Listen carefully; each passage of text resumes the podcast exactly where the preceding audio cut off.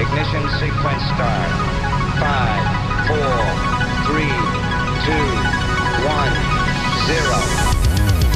Quantum leap. Salto quântico, salto quântico, salto quântico. Salto quantico. Salto quantico. Salto quantico. Kvantum, det du inte visste att du ville veta. Goddagens på er bara i vintermörkret så var det igen kvanthoppdags. Markus Rosenlund heter jag. Eh, ja, jag sa det visst vintermörkret men ska man nu sen kalla det här för vinter, det vet fåglarna. En bekant till mig har börjat tala om sen höst som sedan övergår i förvår. Konstigt är det nya normala, som klimatforskarna säger. Men nu hinner den komma ännu, vintern. En av orsakerna till att vi har haft en så mild och blöt höst är att lågtrycksaktiviteten på norra Atlanten har varit så livlig. Det har legat ett stort fett lågtryck och brummat över Island medan ett motsvarande kraftigt högtryck har häckat över Azorerna och de här har tillsammans matat in fuktig och varm luft över oss. Det är ju så här det brukar vara för det mesta här hos oss.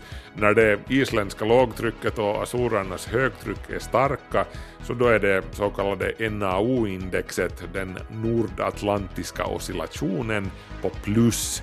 Så här har det varit i ett par månader nu ungefär. Men vi får se vad som sker härnäst för NAO har börjat sjunka och det kan halka över på negativt territorium inom ett par veckor eller så. Och då tar lågtrycken från Atlanten en sydligare rutt söder om Finland och då drar det in kall luft norrifrån. Så den som vill ha en vit jul kan fortfarande leva på hoppet. Men vi får återkomma till det om en vecka, då borde vi redan vara klokare beträffande julvädret. Hur som helst, i dagens program ska vi träffa den svenska partikelfysikern Torbjörn Sjöstrand som är en av dem som letar efter svaren på de riktigt stora frågorna. Som att varför finns det så mycket materia i universum och så lite antimateria? Nästan ingen antimateria alls faktiskt. Eh, vad är mörk materia och vad är mörk energi? Den här sortens tankenötter som de försöker knäcka på CERN med hjälp av den enorma partikelkollideraren LHC som Torbjörn Sjöstrand gör datorprogram för. Och även om CERN hittade Higgspartikeln som ger massa åt allt annat i universum så tar frågorna ingalunda slut där. Vi vet fortfarande inte varför det universum vi lever i ser ut som det gör. Vi vet att det hade funnits många möjligheter där vi inte hade levt och inte hade ställt frågan. Så ska vi också fortsätta snacka om robotar. I samband med Robotveckan på Teknikmuseet i Helsingfors nyligen så anordnades en paneldiskussion om robotar och robotik. Vi hörde första delen av den diskussionen förra veckan. Idag fortsätter vi på det spåret och då ska det handla bland annat om robotar som åldringsvårdare och som hjälpredor där hemma och om regeringens robotstrategi som forskaren och författaren Carl Gustav Lindén inte ger mycket för. Det låter nu allmänt flummigt, man talar om digitalisering och digitala tjänster utan att, utan att definiera vad det är frågan om. Eh, jag är ganska orolig för att det, det finns ingen kompetens i regeringen i den här frågan och man ser det som ett, ett programutvecklingsproblem och inte liksom ett, ett, liksom ett komplicerat samhällsproblem.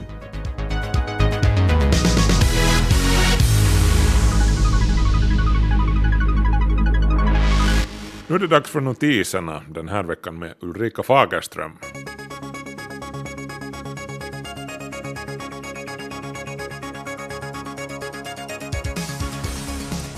Vi börjar med algerna, våra nya bästa vänner kanske.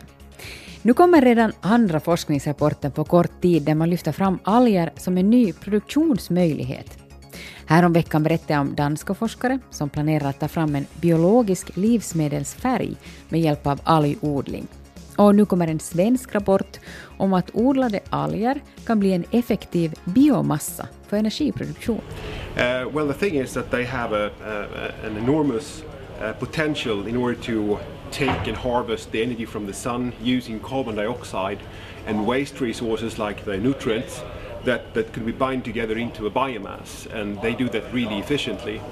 Det är forskare vid Sveriges tekniska forskningsinstitut som i tre år har jobbat med algodlingar och nu fått fram lovande siffror. Mikroalgerna har odlats med hjälp av solljus, så kallad rökgas och överskottsvärme från ett pappersbruk.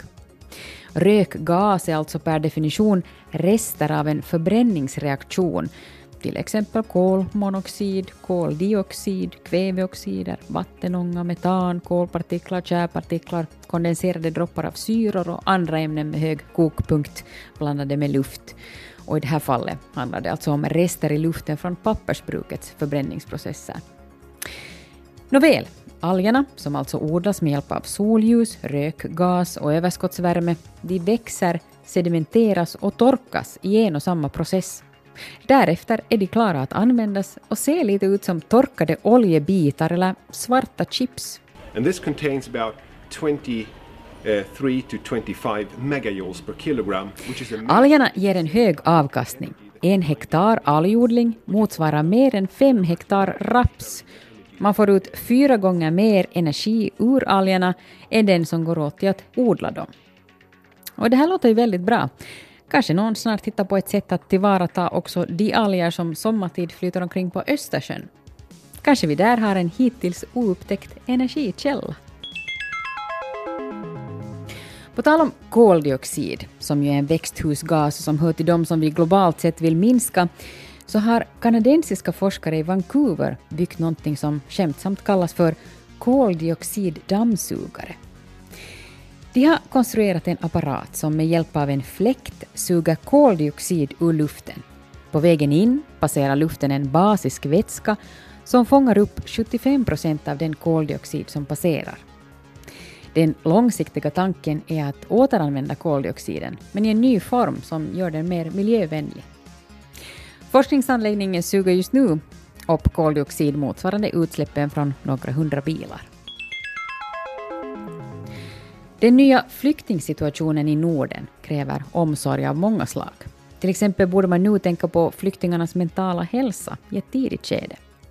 Det säger en norsk professor, Sverre Barvin, som för tillfället håller på med en studie om traumatiserade flyktingar. I den studien har man märkt att det i Norge tagit i snitt 11 år innan en flykting som har anlänt till Norge fått terapi. Och då är det ju alltså många personer som har varit med om väldigt svåra och hårda upplevelser i sina hemländer. Professorn föreslår att man skulle ge varje flyktingmottagning i Norge kontakt i ett eget team av läkare, psykologer och hälsovårdare ute i samhället, plus att flyktingcentralernas personal skulle gå kurser i mental hälsa. Han påpekar att tidig hjälp är viktig, för den kan förebygga större problem senare. Speciellt gravida kvinnor, ensamstående mammor och tortyroffer är sådana som snabbt borde få hjälp. Humor spelar kanske en alldeles speciell roll mellan män. Brittiska forskare har nämligen i en undersökning lagt märke till att män tenderar att gilla eller ogilla skämt berättade av andra män beroende på hurdant röstläge den som skämtar har. För kvinnor spelade de manliga rösterna ingen roll alls, märkte forskarna. Man spelade alltså upp one-liners, korta skämt för testpersonerna, berättade av män och kvinnor vars röstläge hade förändrats med teknik. Medan kvinnorna då skrattade, oberoende av hurdan röst berättaren hade, så var det annorlunda för männen. Medan robusta och dominanta män skrattade mest åt skämt som levererades av män med lågpitchad röst. Och män som själva hade en ljusare röst skrattade mest åt skämt berättade av någon med ljusare röst. Då männen lyssnade på inspelningar med vanligt prat gjorde de inte alls samma favorisering, utan det här märktes bara då det var fråga om skämt. I en uppföljningsstudie kom man också fram till att de män som själva klassade sig som dominanta hellre valde en man med lågpitchad röst som kompis. Låg ton kopplar forskarna samman med dominans. No, nu känns det som att det kanske nog finns en och annan lucka och obesvarad fråga i det här sammanhanget, men samtidigt är det intressant. Och forskarna själva drar slutsatsen att humor kan ha utvecklats för att underlätta mäns interna samarbete, till exempel i jaktsammanhang.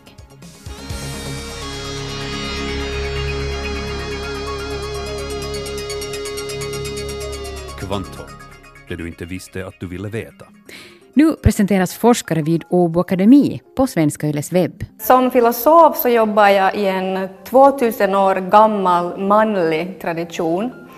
Och eh, ända sedan antiken så har manliga filosofer diskuterat ämnen som är väldigt nära förknippade med deras vardagsliv och med deras, deras intressen.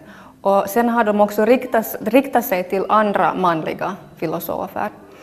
Och det här har medfört att, att eh, de upplevelser eh, som hör till ett eh, kvinnligt erfarenhetsområde har fallit bort från de ämnen som, som man ofta diskuterar inom filosofi. Filosofen Åsa Slotte är en av de åtta forskare som presenterar sitt forskningsområde under rubriken hashtag min fråga.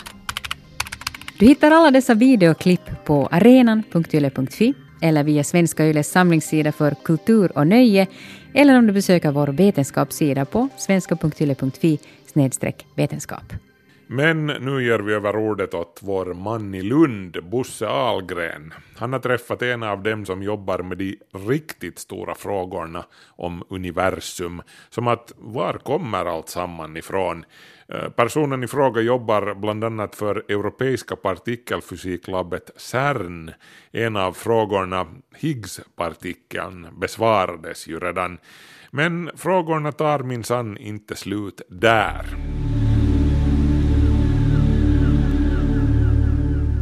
Professorn i teoretisk partikelfysik vid Lunds universitet, Torbjörn Sjöstrand, är den som ligger bakom det datorsimuleringsprogram som förutsäger och hjälper till med att tolka vad som händer när protonstrålarna kolliderar med varandra i partikelacceleratorn Large Hadron Collider i CERN. Partikelacceleratorn är ju världens mest komplicerade maskin hittills och datorprogrammet Pythia är det program som skapar modellerna för hur acceleratorns detektorer ska fungera och vad det är man ska leta efter och hur. Lätt är det inte eftersom det är mycket som händer under kort tid när acceleratorn skjuter protoner mot varandra i nästan ljusets hastighet. Från det att du har två protoner som kommer in och kolliderar så efteråt i denna kollisionspunkt så kommer det sedan ut ett antal spår, ett antal partiklar som flyger isär från den här kollisionspunkten. Så det är ju, eh, ibland har man använt den här analogin att det är som att skjuta två eh, schweiziska klockor mot varandra och sedan ser man då kugghjul och fjädrar flyga ut åt olika håll efteråt. Och sen ska man då i efterhand så att säga baserat på åt vilket håll de här kugghjulen och fjädrarna flyger ut så ska man försöka att konstruera tillbaka hur urverket såg ut när det var sammansatt innan bitarna slogs sönder. Eh, så det är ju lite det vi försöker beskriva då att eh, vad jag tillhandahåller är då en beskrivning utav dels hur urverken såg ut innan kollisionen och dels då eh, i vilka riktningar som olika bitar utav klockorna kommer att flyga isär.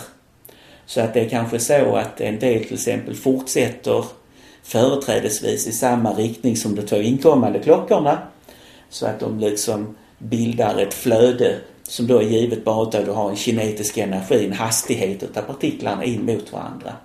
Och sen finns det då andra som flyger helt på tvärs mot kollisionsaxeln. Och det är ofta de som då innehåller mest information för det är de som liksom har kastats ut hårdast. Och därför är de som liksom har mest påverkats av kollisionen. Eh, medan de flesta som bara fortsätter i framåtriktningen liksom bara har följt med utav bara farten. Det är inte så jättemånga byggstenar du jobbar med där egentligen. Eh, det är sant så att i standardmodellen så har man ju då i princip sex olika sorters så kallade kvarkar, sex sorters leptoner, fyra sorters växelverkningspartiklar plus då Higgspartikeln som är då en femte sorts växelverkan. Och i princip så anses det ju då vara allt det man behöver för att beskriva den här sortens kollisioner. Och, så det är mycket riktigt att det är de som är grundbyggstenarna i den här kollisionsprocessen. Eh, men sedan måste man då jobba med ett antal sammansatta partiklar som består av flera kvarkar i olika kombinationer. Och då finns det hundratals sådana. Och alla dessa hundratals måste man då ta med i beräkningarna. Så det är ju ungefär lite som du säger att hela periodiska systemet utav olika atomer byggs upp utav protoner, neutroner och elektroner. Eh, så du har liksom bara tre beståndsdelar som sen bygger upp ett hundratal olika grundämnen. Och på motsvarande sätt är det alltså då med sex kvarkar kan du bygga upp hundratals olika sorters partiklar som var och en har sina egenskaper som man måste ta hänsyn till. Eh, bland annat eftersom de, när de flyger isär, så växelverkar de olika med eh, de här detektorerna som experimentalisterna bygger. Så att får man liksom sammansättningen fel där så blir det också eh, lite fel i deras möjligheter att studera händelser. Eh, naturligtvis, man är aldrig perfekt det här är något som är så pass komplicerat så det är inte så att man kan säga att det finns ett entydigt unikt svar som är 100% korrekt. Utan det man jobbar efter är att göra så noggranna och så goda beskrivningar man kan. Och sen får man då eh, allt efterhand försöka förbättra sig. Partikelfysiken söker svar på de mest grundläggande frågorna, hur allting fungerar, och för att kunna svara på det så ska man veta hur allting är konstruerat och helst in i minsta detalj. Det var anledningen till att världens största och mest komplicerade maskin, partikelacceleratorn LHC i CERN för 25 år sedan började arbetet med att hitta bevis för att det finns ett Higgsfält med små Higgspartiklar som är en osynlig dimma överallt i vårt universum som ger de små byggstenarna i protoner, neutroner och elektroner en massa så allting fungerar som det gör. Annars skulle inte våra teorier heller fungera. CERN hittade partikeln för tre år sedan, den sista byggstenen för den så kallade standardmodellen som beskriver materiens minsta byggstenar. Och när vi kan tillräckligt om det lilla så kan vi börja föreställa oss det riktigt stora. Partikelfysiken ger upphov till mycket spekulation. Vad allt kan vi skapa när vi vet tillräckligt? Nya världar? Ett nytt universum? Är vi själva bara ett experiment i en gigantisk partikelaccelerator? Det måste ju forskare som jobbar med CERN också fundera på ibland. Sen ska vi ha klart för oss att åtminstone på det sätt som vi jobbar än så länge så är det ju ett väldigt destruktivt eh, sätt att angripa problem på. Därför vi gör det just genom att ha sådana här stora kollisioner där vi liksom försöker slå sönder saker och ting för att studera. Så det är inte så att vi liksom kan sitta och eh, skräddarsy det vi vill uppnå. Eh, utan det är liksom att vi gör stora kollisioner sen hoppas vi att något intressant inträffar där. Men så att det finns ju eh, de som eh, drömmer om att man skulle kunna bilda någon sorts mini-svarta hål vid sådana här partikelkollisioner. Och de skulle ju då leva i princip bara en väldigt, väldigt kort stund. Men det finns ju då folk som spekulerar att i sådana kollisioner så skulle man liksom kunna skapa nya universa som liksom då knoppas av från vårt eget universum i en sån kollision. Och det är naturligtvis mer spekulation än någonting annat. Det finns inga vetenskapliga argument för det.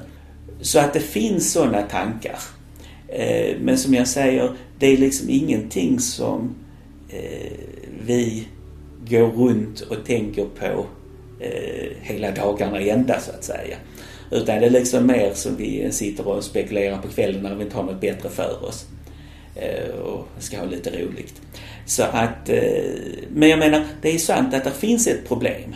Att vi vet fortfarande inte varför det universum vi lever i ser ut som det gör. Vi vet att det hade funnits många möjligheter där vi inte hade levt och inte hade ställt frågan. Men eh, det är ju kanske föga tröst om man eh, ser på det sättet. Professorn i teoretisk partikelfysik vid Lunds universitet, Torbjörn Sjöstrand, fortsätter att dagligen diskutera med forskarna i CERN om hur datorsimuleringsprogrammet Pythia ska ändras och förbättras för att komma närmare nya upptäckter. För jobbet är inte över bara för att Higgspartikeln är upptäckt. Det kan finnas fler versioner av Higgspartikeln och vi känner endast till 4,5 procent av vad som finns i universum. Resten är mörk materia och mörk energi som vi verkligen inte än så länge har något grepp om. Men partikelacceleratorn LHC kan, om det vill sig, komma med fler svar. Har vi tur så hittar vi någon partikel som har någonting att göra med mörk materia som jag nämnde innan. Att det finns ju då det här problemet att vi vet att eh, i universum finns det mer materia vi kan observera, än vi kan associera med, med eh, den sorts materia vi har omkring oss i, vardagslivet. Eh, och det måste, så vitt vi har kunnat se än så länge, vara att det saknas en partikel, åtminstone en partikel ska jag väl säga, som återstår att, att upptäcka. Och LHC skulle kunna observera den. Det är inga garantier alls att den gör det. Men det är ändå någonting där vi verkligen vet att eh, vi, vi måste leta.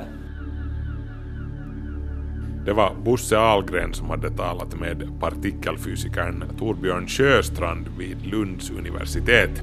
Kvanthopp. Sikta mot stjärnorna. Helt nyligen anordnades den årliga robotveckan på Teknikmuseet i Vik vid Gammelstadsforsen i Helsingfors. I samband med den så hade man också en paneldiskussion om robotar nu och i framtiden. I den deltog Katarina Engblom, vicepresident på Sonera, Eh, Martin von Willebrandt, styrelseordförande på företaget Airo Island, samt Nikolas Andersson, även han från Airo Island. Innan vi går in på saker som att när får vi robotar som handlar mat åt oss så ska författaren och forskaren Carl Gustav Lindén säga vad han tycker om vår regerings robotstrategi. Det låter nog allmänt flummigt, man talar om digitalisering och digitala tjänster utan att, utan att definiera vad det är frågan om. Eh, jag är ganska orolig för att det, det finns ingen kompetens i regeringen i den här frågan. Om man ser det som ett, ett programutvecklingsproblem och inte liksom ett, ett, liksom ett komplicerat samhällsproblem. Mm. Katarina har samma åsikt. Jag kan, jag kan väl inte säga att jag ska direkt uppfatta någon signal e- ännu, men att i och för sig så är ju digitalisering ett stort tema där man ledigt och lätt kan placera in robotiken under. Äh, det som jag tycker är intressant här är att, att äh, äh, eftersom all produktion har försvunnit mycket längre bort från det här landet, till, till Asien till exempel, Kina, men nu om man tänker att man robotiserar produktion så blir ju produktionskostnader faktiskt de samma på olika eh, ställen av jorden, eh, eller i alla fall det blir väl mer beroende av elpris till exempel. Men, men transportkostnaderna blir igen stora och viktiga. Och då tycker jag att det är en lite oroväckande utveckling att enligt vad jag har förstått så är Kina de som snabbast robotiserar sin industriproduktion för tillfället. Och de tycks vara vakna i, i den här frågan och, och fast de har fortfarande sin relativt billiga arbetskraft så driver de väldigt, väldigt effektivt fram robotisering för tillfället för att kunna hålla produktionen.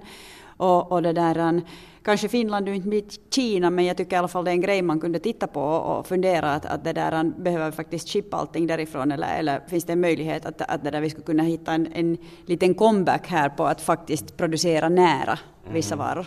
Ja, Nikolas. Ja, vi har ju ett par exempel i Finland gällande robotiserade fabriker. En är ABBs fabrik i Borgo och andra är um, Valmet Automation-fabriken i Nystad och de båda har då kunnat ut, utveckla sin produktivitet med hjälp av robotar och det är liksom enda orsaken till varför de fungerar i Finland för stunden är det att de har fått produktionskostnaderna så pass långt ner att man kan ha sen, vad är det, åtminstone i Nystad har de är det närmare 1500 personer och jobbar där med, med plus de här 200 robotarna och, och utan robotarna skulle det inte finnas en enda arbetsplats där på den fabriken. Mm.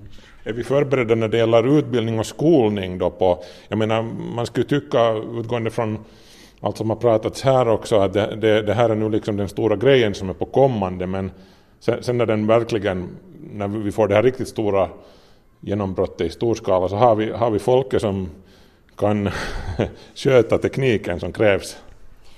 Äh, jag tror vi kunde bli bättre. Jag tror vi är på väg åt rätt håll. Äh, jag äh, ser mer och mer i, i skolan att det kommer alla världens kodningsklubbar och sånt. Programmering är ju otroligt viktigt som en, som en bas för det här, för att någon ska ju verkligen programmera den här roboten eh, i alla fall nu så länge de inte gör det själva ännu.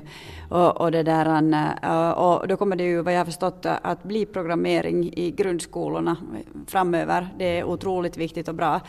Eh, men eh, jag tror att det är lite kanske långsamt. Jag skulle i alla fall själv gärna se en lite snabbare utveckling där man kunde, kunde göra barnen, barnen mera vana vid sådana frågor. För att, för att det är ju också lite det att, att om det känns väldigt konstigt med programmering och robotar eh, så, så det där, ju yngre man är när man testar på att till exempel programmera sin första Lego-robot mm. så desto mer så här demystifierat blir det och, och så kan man börja lättare tänka i de banorna.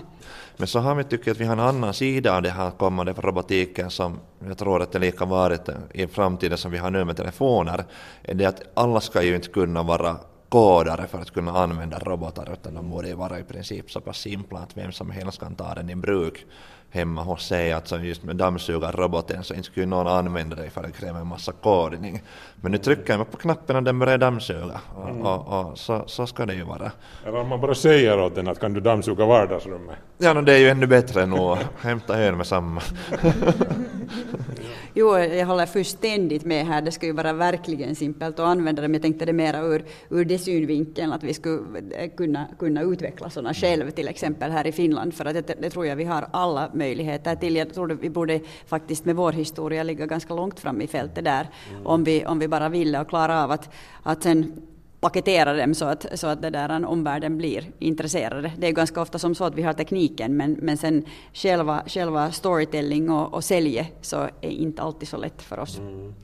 Ja, det är som du säger, och problemet är ju inte det att det inte skulle finnas ingenjörer som kan koda och programmera. Problemet är alltså det här att det inte finns ett användarbaserat designtänkande i Finland. Det, vill säga det, det saknas och det var det som knäckte Nokia.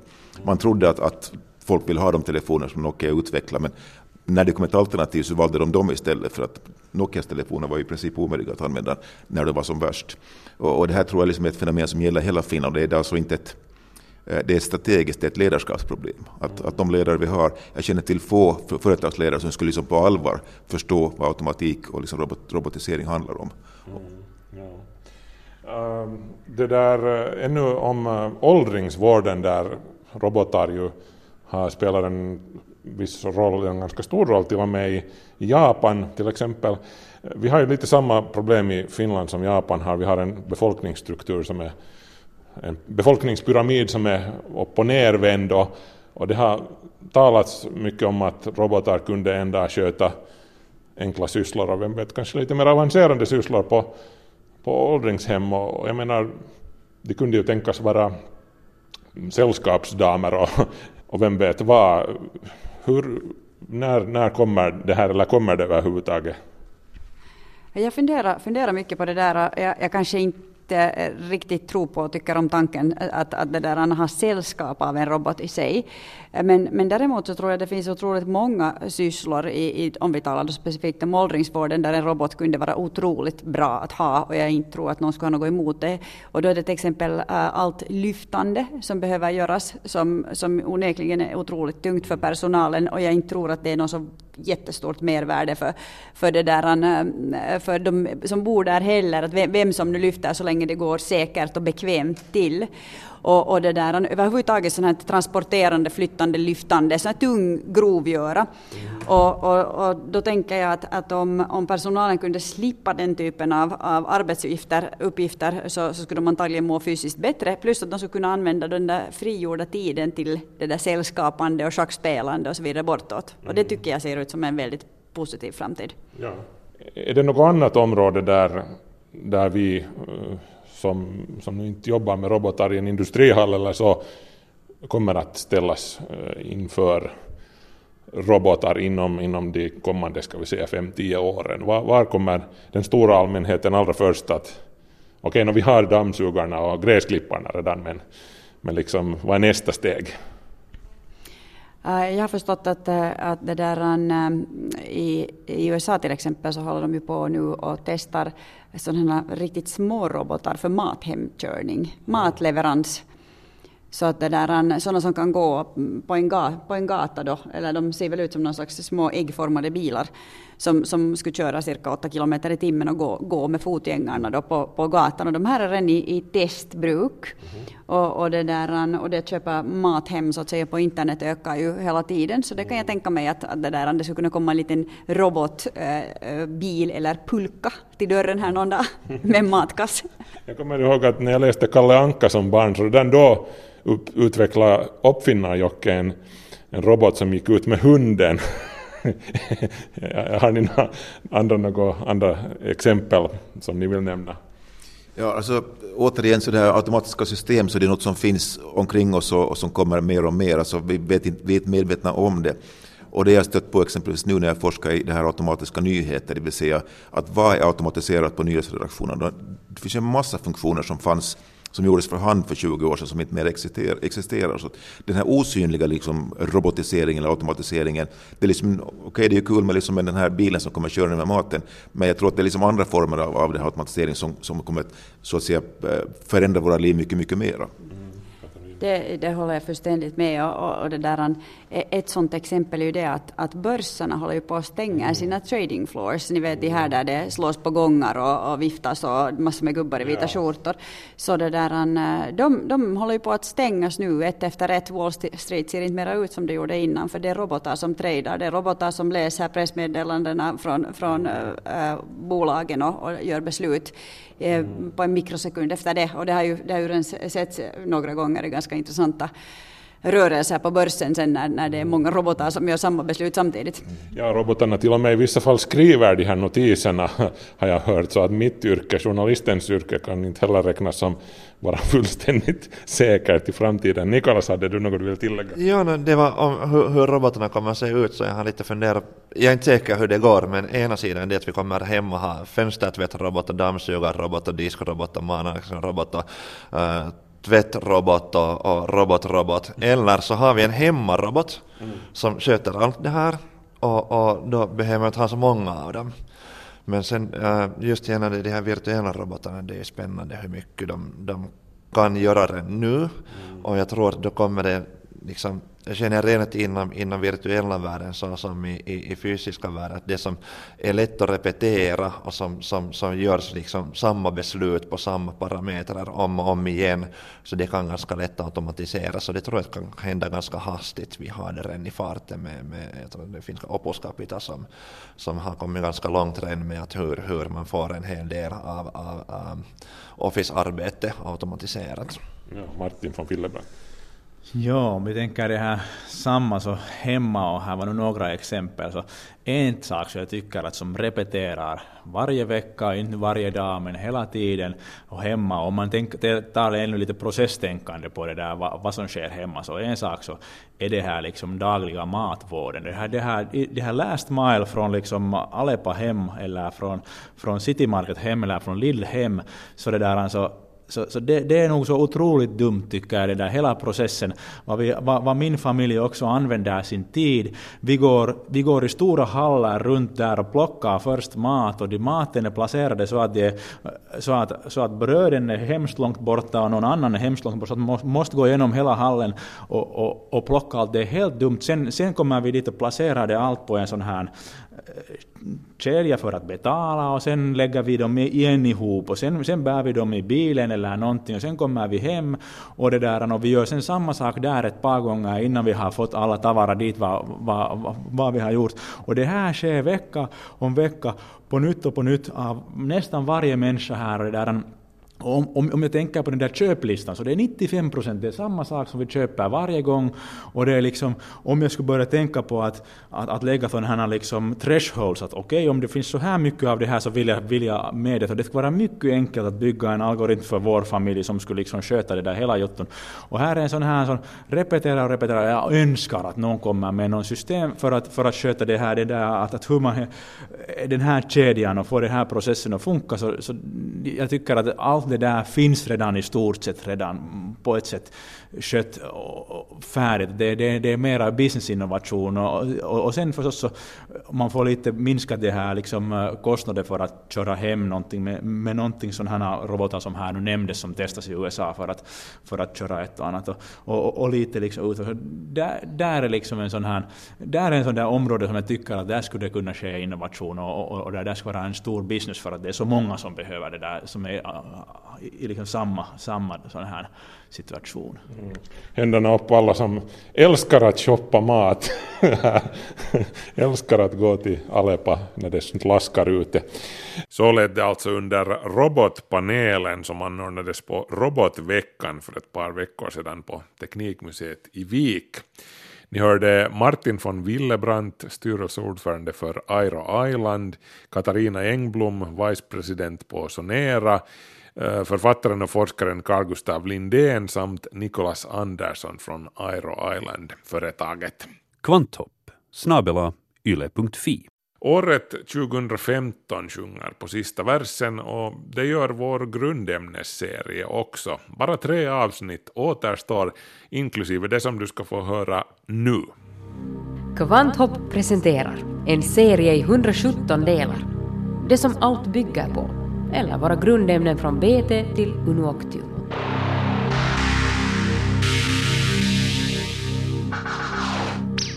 Atomnummer 116, Livermorium, kemiskt tecken LV. Ja, vet ni, efter det här återstår bara två grundämnen och sen har vi avverkat hela det periodiska systemet. Livermorium är det sista grundämnet i det periodiska systemet som har fått ett riktigt permanent namn. Nummer 117 och 118 heter bara Ununceptium och Ununoctium. Arbetsnamn på latin baserat på atomnumret. De kommer också att få riktiga namn, bara internationella kemistunionen IUPAC fattar beslut om saken.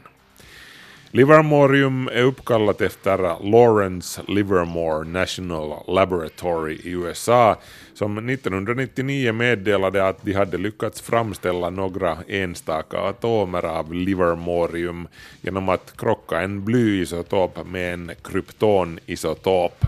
Men de tvingades senare dra tillbaka sin upptäckt efter att det blev klart att experimentet delvis byggde på fabricerade data. Men året därpå så blev det napp på riktigt. Eh, den gången var det det ryska institutet JINR i Dubna som var framme i samarbete med forskare från Livermore-labbet. Den här gången valde man att bombardera ett mål av curium-248 med kalcium-48 joner, och på det här viset fick man då Livermorium. Upptäckten publicerades i december 2000.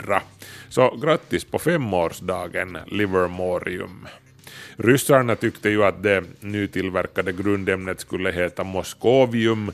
Eh, det namnet har föreslagits också för förra veckans grundämne 115. Får se om ryssarna har bättre tur när det i sinom tid får sitt slutgiltiga namn.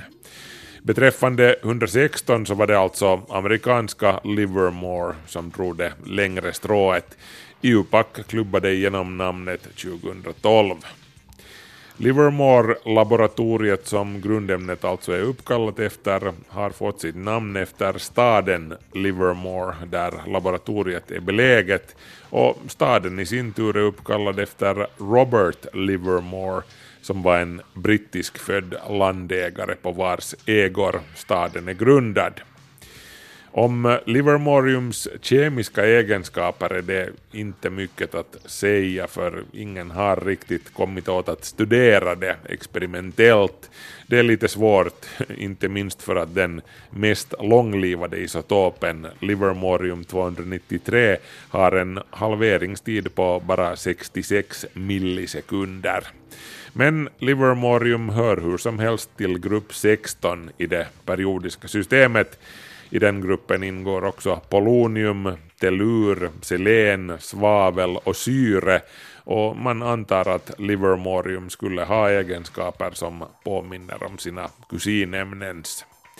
Jag kan ju ännu nämna som en kuriositet att elektronerna i Livermoriums sjunde och yttersta elektronskikt är nästan två gånger större än elektronerna i det innersta skiktet.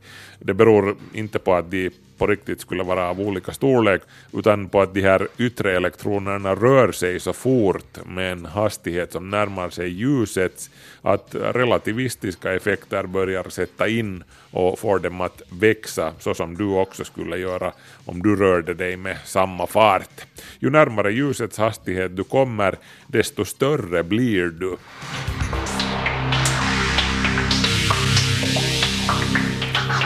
Du har hört del 116 i Kvanthopps serie om våra grundämnen. Nästa vecka Ununceptium. Kvanthopp börjar vara slut för den här veckan, men nästa vecka då ska det bland annat handla om det här. Ja, jag har haft en favoritdoft genom livet och det är faktiskt det är doften av liljekonvalj. Och eh, i mitt fall så tror jag faktiskt att det har att göra med att när jag var fem år gammal så fick jag en present av min morfar eh, när jag fyllde år och det var en liten parfymflaska som innehöll just doften av liljekonvalj. Det var en liljekonvaljsparfym. Och den har liksom stannat kvar. Så fortfarande idag när jag känner doften av liljekonvalj så, så tänker jag på min morfar och jag har också en väldigt positiv känsla av den doften. Ja, en doft kan ju vara som en nyckel till ditt förflutna, till ett hemligt rum som inte du ens visste att du hade. Hör Maria Larsson, professor i psykologi vid Stockholms universitet, prata om dofter och om det stora forskningsprojektet kring dofter som nu ska genomföras i Sverige. Det här i Kvanthopp om en vecka. Sade Ulrika Fagerström och jag heter Markus Rosenlund. Vi hörs om en vecka. Ha det så bra. Hej så länge.